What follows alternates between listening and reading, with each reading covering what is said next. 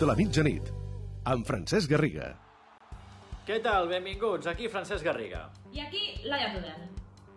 S'acaba el 25 de març i el Barça segueix buscant la fórmula per sobreviure econòmicament al terrabastall del coronavirus. La rebaixa de sous als futbolistes és sobre la taula i es comença a negociar.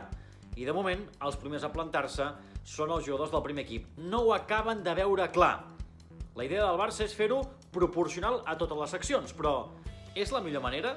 Els futbolistes del primer equip han estat els primers que han aprofitat que el club funcionava. Han aconseguit sous astronòmics gràcies als seus títols i que el club funcionava de meravella. Doncs ara que la cosa no funciona, potser també ells són els primers que haurien de donar exemple i no carregar la... el benestar del club a esportistes d'altres seccions que ni més ni menys no cobren aquestes xifres. Sigui com sigui, Laia, de moment el Barça ho està negociant això encara, no hi ha una resposta ni una resolució. No, el Barça ha fet una primera proposta de rebaixar el sou dels futbolistes fins a un 70% dels futbolistes i de totes les seccions. El mateix percentatge s'aplicarà a totes les seccions professionals durant els dies que duri el confinament que dicta, diríem, el govern espanyol. De moment serien 30 dies, doncs aquests 30 dies són eh, els dies que s'aplicarien la rebaixa. Els jugadors del primer equip, pel que sabem, no han estat gaire receptius d'entrada, tampoc altres seccions, ni fins i tot els eh, jugadors del filial han estat eh, receptius en aquesta primera proposta, per tant, han de negociar i molt. El que sí que diuen la resta de seccions és D'acord, arribeu primer a un acord amb els jugadors del primer equip de futbol i després la resta doncs ja, ja en parlarem i ja ho acceptarem.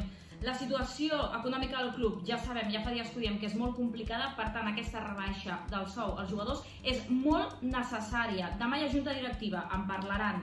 Si no s'arriba a cap acord, no es descartarà mateix que s'hagi d'aplicar d'una forma forçada.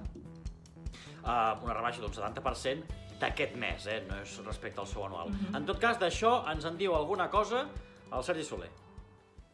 Divendres es compliran dues setmanes d'aquesta paràlisi a Can Barça, com a la resta de la societat. No hi ha entrenaments, no hi ha partits, eh, no hi ha venda d'entrades perquè no sabem quan tornarà l'activitat, eh, les botigues tancades, el museu tancat, és a dir, zero ingressos, i el Barça, com qualsevol altra empresa, jo crec que fa bé de mirar com eh, aminorar les pèrdues que està tenint aquestes setmanes eh, i tot passa per una reducció de salaris dels jugadors. És evident que aquesta proposta d'ERTE que s'ha fet a, a tots els equips eh, professionals, inclús també el Barça B i el juvenil del, del futbol, d'un 70% mentre hi hagi aquest confinament i l'aturada de l'activitat abans de, de recuperar el 100% del, del salari, eh, pot ser un greuge en algun cas, eh, en el cas del futbol femení, a l'hoquei, que tenen salaris menors, però en el cas del futbol eh, jo crec que si els cracs eh, deixen de cobrar eh, alguna part d'aquests eh, salaris eh, milionaris davant de les penúries que està vivint la societat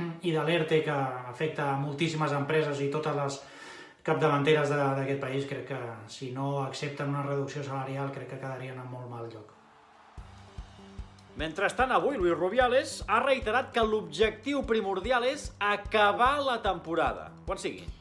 Sí, no es marquen terminis, no tenen pressa per eh, tornar a, a reprendre la competició. Això sí, una cosa ha deixat clara. Aquesta lliga, la lliga d'aquest any, s'ha d'acabar, no es quedarà penjada. Els esportistes pendents de quan juguen, de quan tornen a competir, i mentrestant, cada cop apareixen més eh, exemples de compromís per a intentar superar tota aquesta crisi. Sí, exemples de solidaritat. Uh, ja ho explicàvem ahir, per exemple, Guardiola, que doncs, uh, dona un milió d'euros per material sanitari al Col·legi de Metges de Catalunya. També ha fet una aportació d'un milió d'euros Leo Messi, entre l'Hospital Clínic i una institució de l'Argentina. Hi ha altres esportistes també que ho fan, com Roger Federer, com Lewandowski o clubs. Ahir explicàvem el Real Madrid, avui també hem sabut d'una altra donació que farà l'Atlètic de Madrid és important la implicació dels que més tenen, l'Oriol Domènech té algun detall més de la gran aportació que farà, entre altres, Pep Guardiola. Eh, bueno, afortunadament, el primer comentari que faig des del confinament és per parlar d'una de les poques notícies positives que ens ha donat eh, aquests dies de tristor col·lectiva amb, a, amb la pandèmia del Covid-19, com és la, la donació, l'extraordinària donació que hi va fer el Pep Guardiola d'un milió d'euros per lluitar contra, contra aquesta pandèmia i que serà gestionada pel Col·legi de Metges de Barcelona, que és l'organisme que, que, va, que va anunciar ja a aquestes hores. Mm, em consta, a més a més, que el, que el PEP està sobre d'aquest tema, de que està sobre de tot el que es vol comprar, que seran equipament i material sanitari, eh, respiradors, i que està sobre també que als hospitals en els que es distribuirà eh, tot aquest material, que, que començaran sent els que hi ha més necessitats, Igualada, la seva Manresa, alguns dels més eh, estressats eh, de la ciutat de Barcelona, i em consta també que, que no és la primera donació que ha fet aquests dies, perquè fa un, uns quants també va fer una donació cap a, per l'assaig clínic eh, per la vacuna que està liderat pel doctor Bonaventura Clotet i l'investigador Oriol Mitjà. Ahir ho comentava amb un company vostre de TV3 que vam estar parlant sobre el tema si aquestes donacions s'han d'anunciar, s'han de fer públiques o no.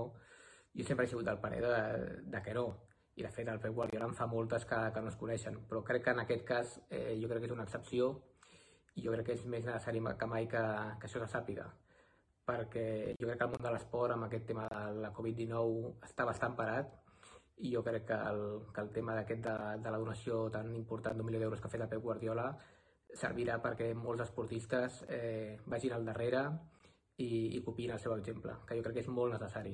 De fet, mm, poques hores després de la, del comunicat del Col·legi de Metges eh, ja va sortir que Leo Messi també té pensat fer una donació entre l'Hospital Clínic i, i un centre sanitari d'Argentina i estic convençut que en els propers dies eh, molts esportistes tant de Catalunya com d'arreu de, com d'Espanya pues, també faran el mateix. I si no és així, i si m'equivoco, doncs serà una gran decepció. Eh, per últim, deixa'm dir-vos una coseta, eh, perquè si no explotaria, eh, sobre el tema aquest de les negociacions que estan portant els directius del Barça amb els jugadors del primer equip eh, per la rebaixa del sou. Ahir vaig llegir que, que el club ha demanat que les jugadores del Barça femení, del Barça B, de les seccions professionals, que rebaixin un 70% el sou. Mm, jo crec que en aquest cas els que han de fer un pas endavant són els jugadors del primer equip de futbol. Eh, molt possiblement, no he fet els càlculs, però només amb el 5 o el 10% de les seves fitxes deuen equivaldre al 70% de, dels equips que he donat. Per tant, Eh, espero que els jugadors del, del Barça de futbol, que fins ara eh, no han aparegut en la seva gran majoria, donguin un pas endavant, es rebaixin la fitxa i també facin donacions. Per cert, Laia, que avui el Girona ha tingut un altre positiu.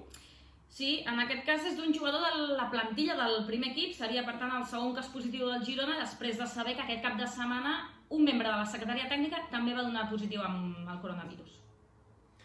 En handbol, per exemple, avui hem sabut la data de la Final Four i atenció que és ben estranya. Sí, perquè eh, és a l'estiu, eh, no estem acostumats que es jugui en aquesta època aquestes Final Fours d'handbol. Serà l'últim cap de setmana d'agost, el 29-30 d'agost és quan han previst que es pugui jugar aquesta final. Una cosa estranya, estranya. I en bàsquet, què fa l'Eurolliga? L'Ernest Macià ens ho explica. Doncs sí, Francesc, d'entrada l'Eurolliga es planteja acabar com sigui la temporada, d'entrada mantenint l'actual format, és a dir, jugant tots els partits de Lliga, tots els partits de play-off, amb eliminatòries a 5 partits i la Final Four, que ja sabem que no serà a finals de maig. Si s'allarguen els confinaments, aniríem a reduir el nombre de partits. D'entrada, el més còmode seria passar a play-off de 5 a 3 partits, i a partir d'aquí entrant, eh, endinsant-nos dins del mes de juny, si convé arribant fins al 30 de juny. Tot el que sigui allargar més enllà del juny genera molts problemes burocràtics, però d'entrada el que ha volgut la Lliga amb aquesta trobada d'avui, amb, aquest, amb aquest comunicat que ha fet públic als vols a les dues de la tarda, és enviar un missatge a jugadors estrangers que vulguin tornar als seus països i a patrocinadors que per poc que es pugui i fent el que calgui aquesta Eurolliga s'acabarà. Doncs això és tot el que teníem per avui. Atenció, Laia, perquè no sé si has estat al cas del YouTube, Home, que hem penjat un losers, eh? Sí, ho sé, ho sé. Hem recuperat, hem fet un remember amb aquesta secció boníssima a l'Adrià Serra i si entreu al YouTube del Club de la Mitjanit, ja ho sabeu, eh? Al YouTube de Catalunya Ràdio, allà teniu una llista de tots els vídeos del Club de la Mitjanit, trobareu aquesta secció dels losers. No us la perdeu. El pitjor equip olímpic de la història. Cuideu-vos, quedeu-vos a casa. Fins demà. Adéu.